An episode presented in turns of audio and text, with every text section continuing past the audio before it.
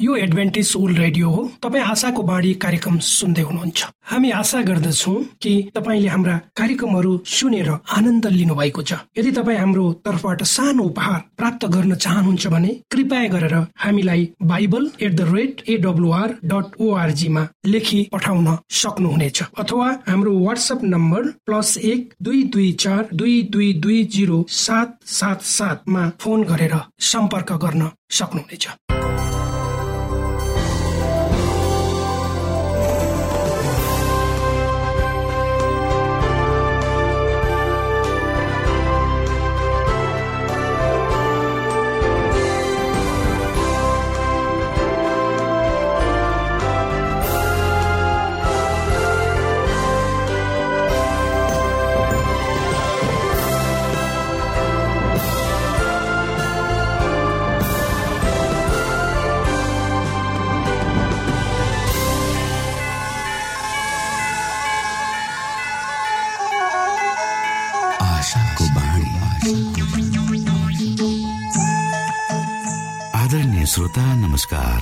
यो समय तपाईँ एडभेन्टिस्ट ओल्ड रेडियोको प्रस्तुति भोइस अफ होप आशाको बाणी कार्यक्रम सुन्दै हुनुहुन्छ।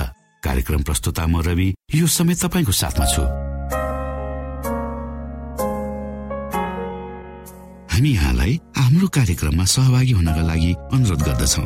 हामी साँचो परमेश्वर तपाईँलाई माया गर्ने परमेश्वर तपाईँलाई उद्धार गर्न चाहने परमेश्वरका विषयमा जानकारीहरू प्रस्तुत गर्ने क्रममा छौँ। सुरुमा सुनौ यो आत्मिक भजन।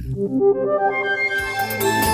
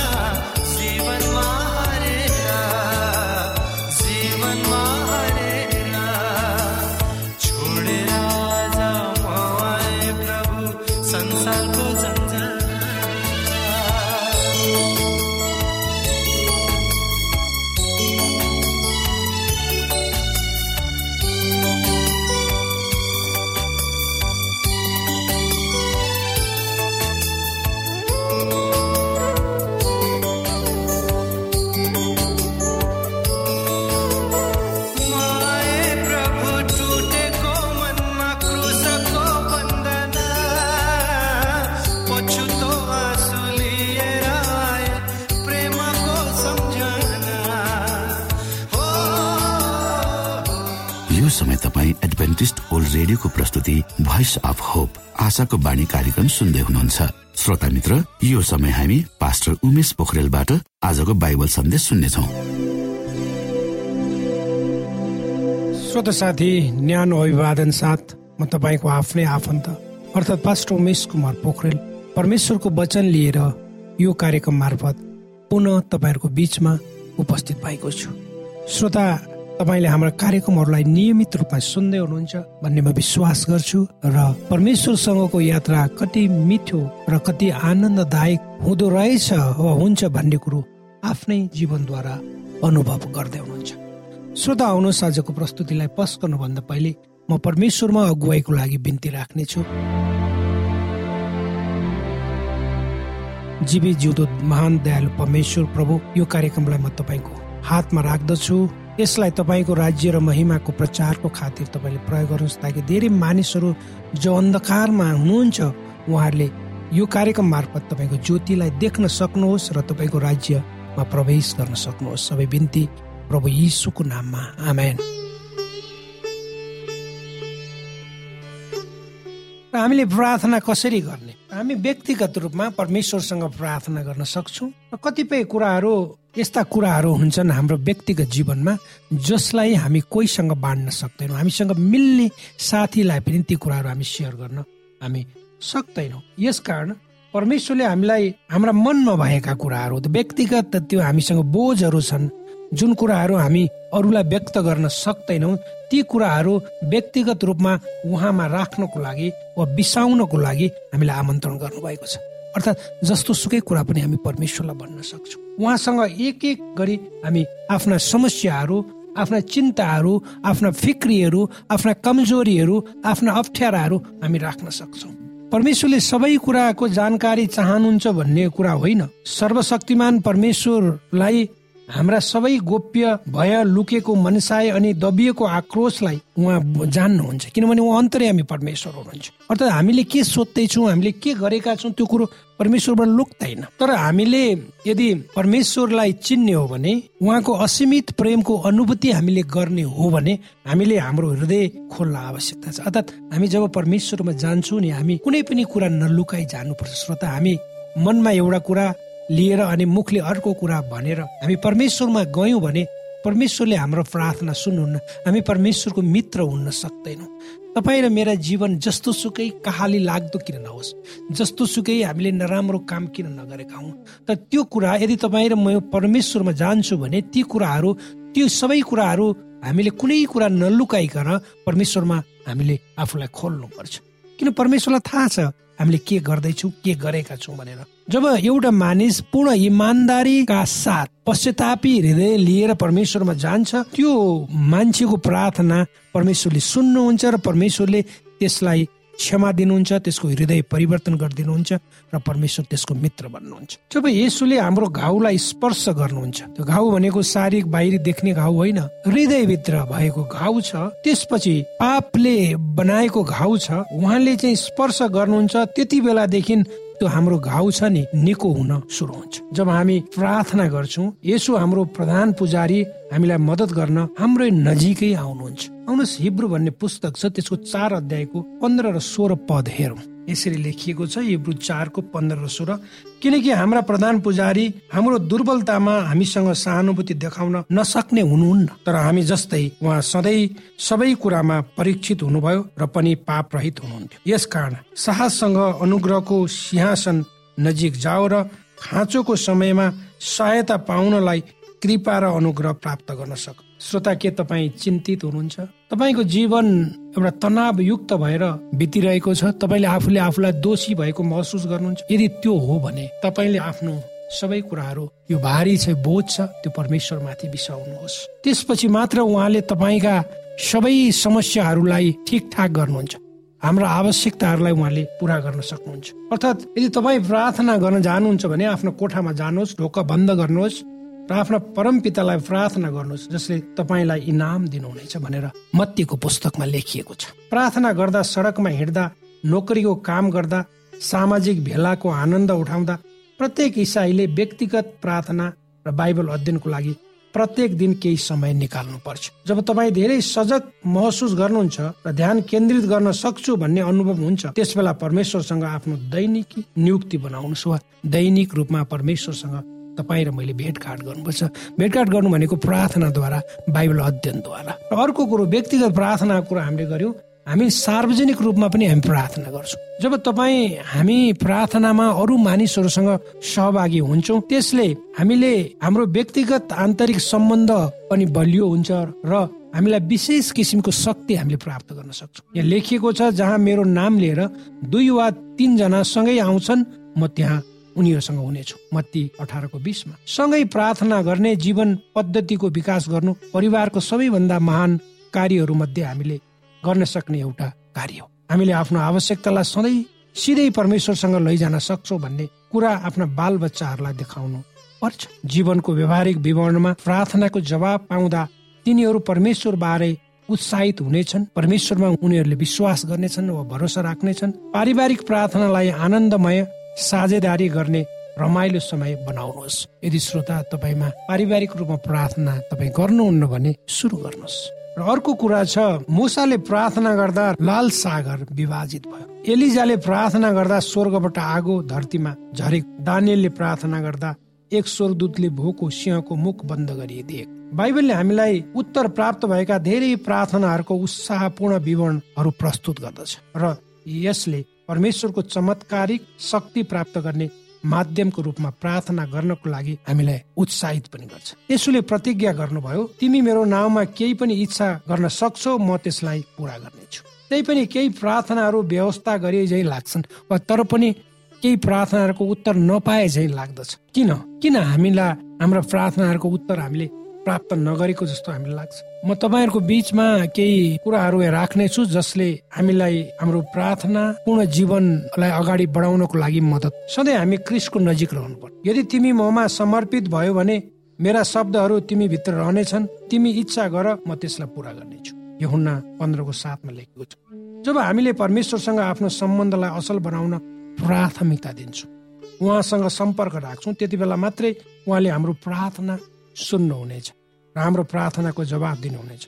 अन्यथा उहाँले सुन्नुहुने छैन। दोस्रो कुरो परमेश्वरमा भरोसा राख्नु पर्छ हामीले। यदि तपाईँ विश्वास गर्नुहुन्छ भने तपाईँले प्रार्थनामा जे मागे पनि प्राप्त गर्नुहुन्छ भनेर मत्तीको पुस्तकले। भरोसा गर्नु वा विश्वास गर्नुको अर्थ यो हो हामी वास्तवमा हाम्रो आवश्यकता पूर्ति गर्न परम पितालाई खोज्दैछौँ। यदि तपाईँ विश्वासको कमीले चिन्तित हुनुहुन्छ भने यो सम्झनुहोस् कि हाम्रा मुक्तिदाताले ती मानिसहरूको लागि चमत्कार गर्नुभएको थियो जसले निराशाका प्रतिज्ञाहरू गरेका थिए। म विश्वास गर्छु यहाँ भनिएको छ मर्कुसको पुस्तकमा मलाई मेरो अविश्वासी माथि विजय पाउन मदत गर्नुहोस्। तपाईँसँग भएको विश्वासको अभ्यास गर्न ध्यान केन्द्रित गर्नुहोस्। आफ्नो अविश्वासको बारेमा चिन्ता नगर्नुहोस्। र अर्को कुरा हामी यदि प्रार्थनाको उत्तर हामी चाहन्छौँ भने परमेश्वरको इच्छामा शान्तिपूर्वक समर्पित हुनुहोस्।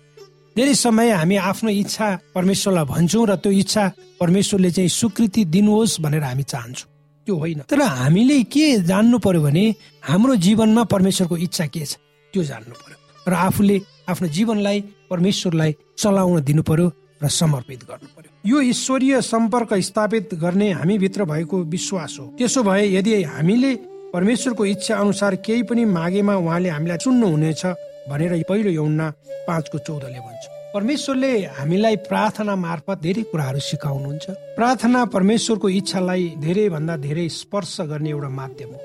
हामी परमेश्वरका प्रतिज्ञाहरूप्रति संवेदनशील हुनु तिनीबाट सिक्नुपर्छ। विशिष्ट अनुरोधहरू र परिणामको रूपमा के हुन्छ भन्ने कुराको सुराग राख्नु नै ठुलो सहयोग हो। पवित्र आत्माले तपाईँलाई सही संकेतमा ध्यान केन्द्रित गर्न मदत गर्नुहुनेछ। पवित्र आत्माले परमेश्वरको इच्छा अनुसार सन्तहरूको निम्ति काम गर्नुहुन्छ बिन्ती गर्नुहुनेछ। याद राख्नुहोस् कि यदि हामीले परमेश्वरले गरेका कुरा देख्न सकेमा यो अनुभव गर्न सक्छौँ कि हाम्रो इच्छा सधैँ परमेश्वरको इच्छासँग मेल खाने गरेछ र कतिपय समयमा श्रोता हामीले प्रार्थना परमेश्वरमा गर्छौँ त्यसको उत्तर हामीले छिट्टै पाउँदैनौँ। त्यसकारण हामीले धैर्य गर्नुपर्छ। र परमेश्वरलाई थाहा छ हाम्रो आवश्यकता के हो र त्यो आवश्यकता अनुसार उहाँको समय अनुसार हामीलाई ठिक समयमा परमेश्वरले हाम्रो प्रार्थनालाई सुन्नुहुन्छ। त्यसैले यहाँ भनिएको छ भजन सङ्ग्रह चालिसको एकमा मैले धैर्यपूर्वक परमेश्वरको प्रतीक्षा गरेँ। उहाँले मलाई फर्केर हेर्नु भएर मेरो रोदन सुन्नुभयो। परमेश्वरमा ध्यान केन्द्रित गर्नु र आफ्नो समस्या उहाँले समाधान गर्नुहुन्छ भन्ने कुरामा विश्वास गर्नु त्यो महत्वपूर्ण हो श्रोता।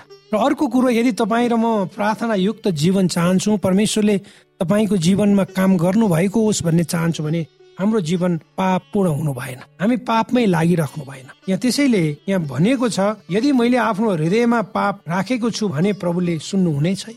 यहाँ पापले हाम्रो जीवनमा ईश्वरीय शक्तिबाट हामीलाई वञ्चित गराउँछ। यसले हामीलाई परमेश्वरबाट अलग पार्छ। तपाईँ एक हातले पापमा झुन्डिएर र अर्कोले ईश्वरीय मद्दत माग्न खोज्दा कहिले पनि प्राप्त गर्न सक्नुहुन्न। इमान्दार स्वीकारोक्ति र पश्चातापले समस्याको समाधान गर्छ।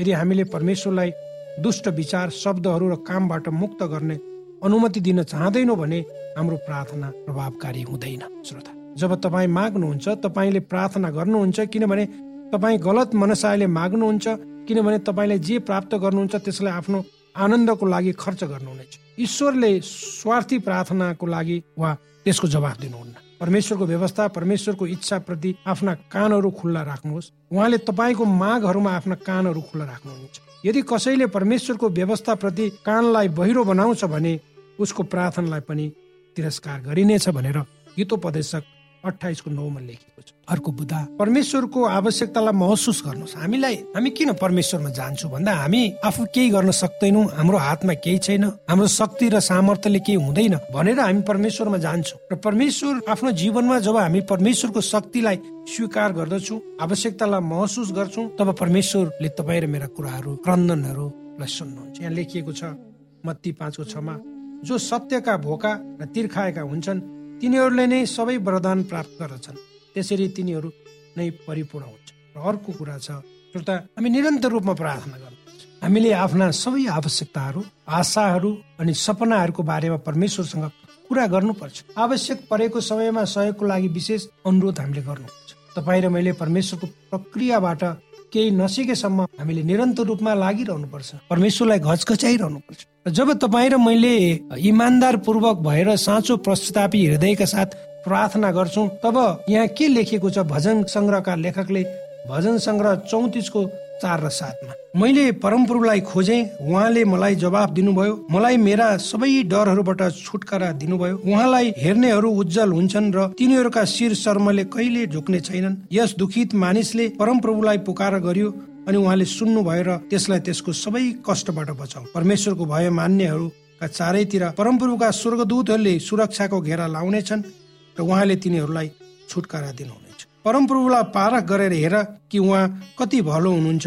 उहाँमा शरण लिने मानिस धन्य जब हामी प्रार्थना गर्छौँ परमेश्वरले हाम्रो प्रार्थनाको जवाब दिन स्वर्गदूतलाई पठाउनुहुन्छ। हिब्रू एकको चौधले भन्छ तपाईँले ती सानाहरू मध्ये कुनै एउटालाई पनि हे दृष्टिले हेर्नु हुन्न भन्ने जान। त्यसैले म तिमीहरूलाई भन्दैछु कि स्वर्गमा उनीहरूका स्वर्गदूतहरूले मेरा पिताको अनुहार सधैँ हेर्छन्। हाम्रो प्रार्थनाको कारणले हामी प्रभु नजिक हुन सक्छौँ। फिलिपी भन्ने पुस्तक छ त्यसको चार अध्यायको पाँच र सातमा यसरी लेखिएको छ। तिमीहरूको सहनशीलता सबै मानिसहरूलाई थाहा होस्। प्रभु नजिकै हुनुहुन्छ कुनै कुरामा चिन्तित नहो। तर हरेक कुरामा प्रार्थना र निवेदनद्वारा धन्यवाद सहित तिमीहरूका बिन्ती परमेश्वरमा जाएर हुन्। र समझले नै भ्याउन नसकिने परमेश्वरको शान्तिले तिमीहरूका हृदय र तिमीहरूका मनलाई यसुमा रक्षा गर्नेछ श्रोता अन्त्यमा हाम्रो इसाई जीवन शैली कस्तो हुनुपर्छ? बाइबल धर्मशास्त्रले इसाई जीवन शैलीलाई वर्णन गर्दछ। एफिसी भन्ने पुस्तक छ त्यसको चार अध्यायको बाइसदेखि चौबिस हामी हेर्नेछौँ। छली लालसाहरूद्वारा भ्रष्ट भएका तिमीहरूको अगाडिको जीवनको ढाँचासँग सम्बन्धित तिमीहरूको पुरानो स्वभाव त्याग र आफ्नो भित्री वर्तावमा नयाँ हो। र परमेश्वरको स्वरूपमा साँचो धार्मिकता र पवित्रतामा सृष्टि भएको नयाँ स्वभावलाई धारण गर। यदि तपाईँ र म परमेश्वरको उपस्थिति हामी चाहन्छौँ भने हामीले नयाँ स्वभाव हुनुपर्छ परमेश्वरको स्वभाव हामीले धारण गर्नुपर्छ। श्रोता आजको तपाईँलाई प्रस्तुति कस्तो लाग्यो? तपाईँका कुनै जिज्ञासाहरू सल्लाह सुझाव छन् भने हाम्रो सम्पर्कको ठेगानामा हामीलाई लेखी पठाउनु भयो भने हामी तपाईँप्रति आभारी हुनेछौँ। परमेश्वरले तपाईँलाई आशिष दिनुहोस्। श्रोता भर्खरै यहाँले पास्टर उमेश पोखरेलबाट बाइबल वचन सुन्नुभयो। यो समय तपाईँ एडभेन्टिस्ट ओल्ड रेडियोको प्रस्तुति भोइस अफ होप आशाको बाणी कार्यक्रम सुन्दै हुनुहुन्छ। कार्यक्रम सुनेर बस्नुहुने सबै श्रोतालाई हामी हाम्रो कार्यक्रममा स्वागत गर्न चाहन्छौ। श्रोता मित्र यदि तपाईँ जीवनदेखि हरेस खानु भएको छ तपाईँका जीवनमा धेरै अनुत्तरित प्रश्नहरू छन् भने आउनुहोस् हामी तपाईँलाई परमेश्वरको ज्योतिमा डोहोऱ्याउन चाहन्छौँ। तपाईँ आफ्नो जीवनका चिन्ता फिक्रीबाट निश्चिन्त हुनुहोस् र बाँच्नुको आनन्द परमेश्वरको सामिप्यमा कति मिठो हुन्छ त्यो चाख्नुहोस् भनी हामी चाहन्छौँ।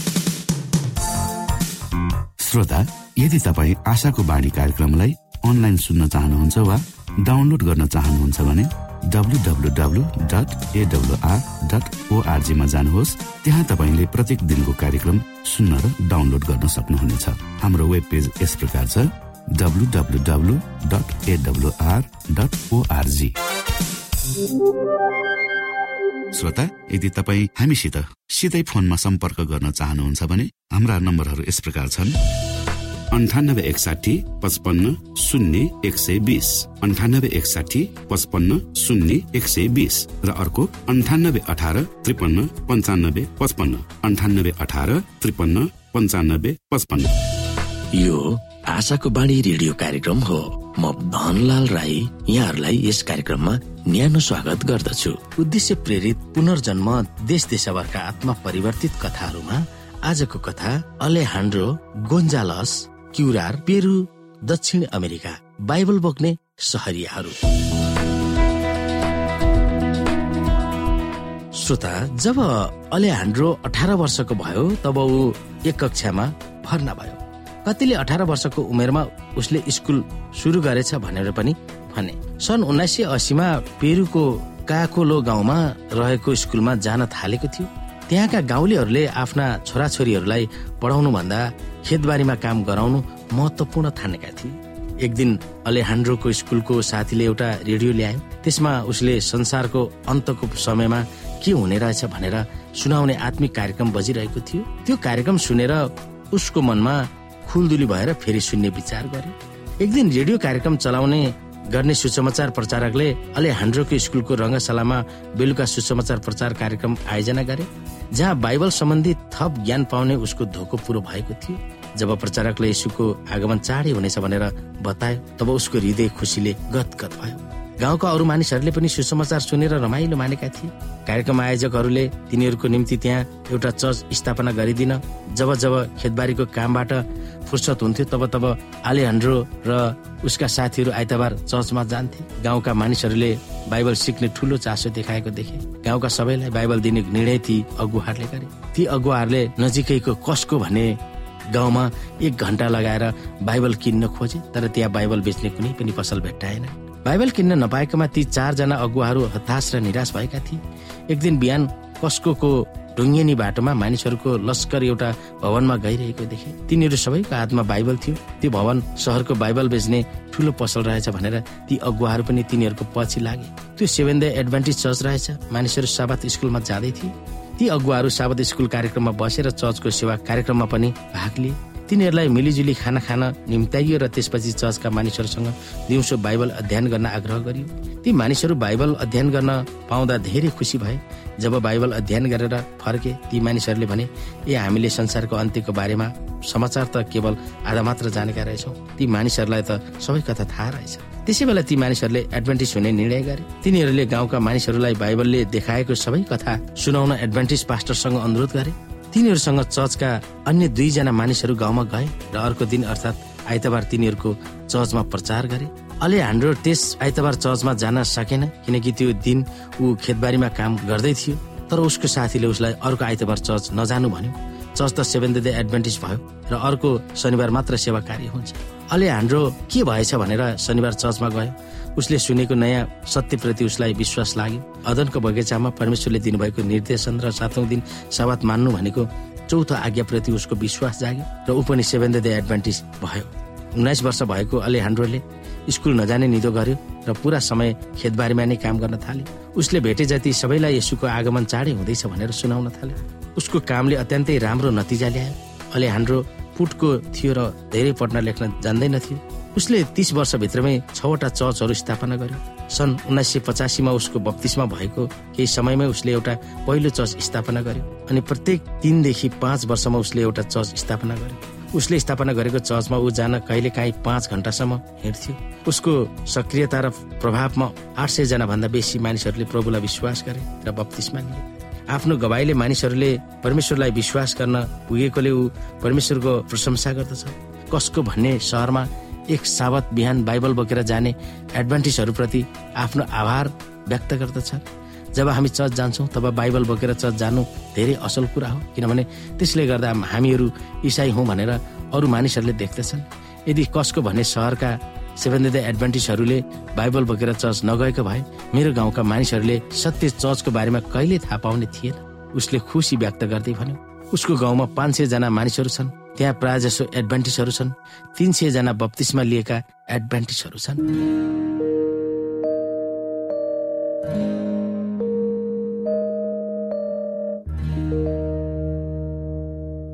श्रोता तपाईँलाई आजको हाम्रो यो कार्यक्रम शिक्षाप्रद लाग्यो र तपाईँले यसबाट विशेष अगुवाई लिन सक्नु भएको छ भने हामीले आशा लिएका छौँ। हामीसँग पत्राचार गर्ने हाम्रो ठेगाना यस प्रकार छ। आशाको बाणी पोस्ट बक्स नम्बर दुई शून्य शून्य शून्य दुई काठमाडौँ नेपाल। श्रोता यदि तपाईँ हाम्रो स्टुडियोको नम्बरमा सम्पर्क गर्न चाहनुहुन्छ भने हाम्रा नम्बरहरू यस प्रकार छन्। अन्ठानब्बे एकसाठी पचपन्न शून्य एक सय बिस। अन्ठानब्बे एकसाठी पचपन्न शून्य एक सय बिस। र अर्को अन्ठानब्बे अठार त्रिपन्न पन्चानब्बे पचपन्न। अन्ठानब्बे अठार त्रिपन्न पन्चानब्बे पचपन्न। श्रोता तपाईँ हामीलाई इमेल पनि गर्न सक्नुहुन्छ। हाम्रो इमेल एड्रेस यस प्रकार छ Nepal at AWR dot ORG Nepal at AWR dot ORG यदि तपाईँ हामीलाई अनलाइन सुन्न चाहनुहुन्छ वा डाउनलोड गर्न चाहनुहुन्छ भने तपाईँ W W W dot AWR dot ओआरजीमा जानुहोस् र त्यहाँ तपाईँले हाम्रो सबै कार्यक्रमहरू सुन्न सक्नुहुनेछ। हवस् त श्रोता भोलि फेरि यही स्टेशन र यही समयमा यहाँसँग भेट्ने आशा राख्दै प्राविधिक साथी राजेश आडा पास्टर उमेश पोखरेल र कार्यक्रम प्रस्तुता म रवि। यहाँसँग विदा माग्दछौ। नमस्कार।